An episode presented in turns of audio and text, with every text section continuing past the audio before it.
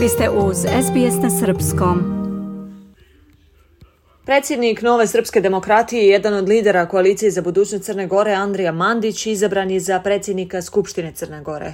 Mandić je izabran na nastavku konstitutivne sjednice Skupštine iz jula.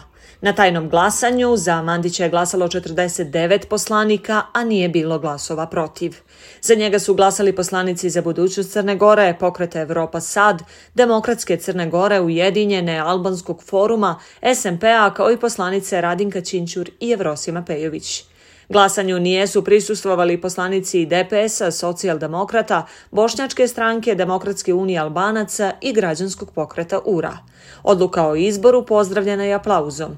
Mandić je položio zakletvu, zaklenjem se da ću dužnost obavljati po ustavu i zakonu, čestito, odgovorno i savjesno. On je nakon izbora kazao da ima najviše poslaničkog iskustva jer je osam puta biran za poslanika. Naš politički život mora da teži ka pravdi i istini. Svima nam je potrebno da činimo dobra dijela, a ne samo da izgovaramo varljive fraze. Ono u što danas iskreno vjerujem i čemu želim da služim je samo jedno. Pomirenje i samopomirenje. Ono je izuzetno važno jer vidim da je svijet na ivici sukoba. Zbog toga moramo biti ujedinjeni, pomireni i složni, istakao je Mandić. VD predsjednika DPS-a Daniel Živković rekao je da ta partija neće učestvovati u glasanju za šefa Skupštine. Ostavljamo vas same da učestvujete u ovom crnom danu. Ova crna traka nek ostane znak za ovaj crni dan demokratije, kazao je Živković, nakon čega su poslanici DPS-a okačili crne trake o mikrofone i napustili sjednicu.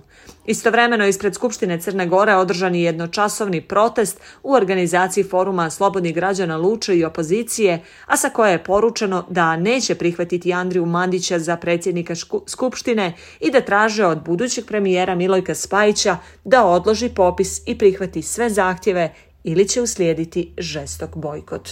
Za SBS na Srpskom iz Podgorice Milice Delitić. Želite da čujete još priča poput ove? Slušajte nas na Apple Podcast, Google Podcast, Spotify ili odakle god slušate podcast.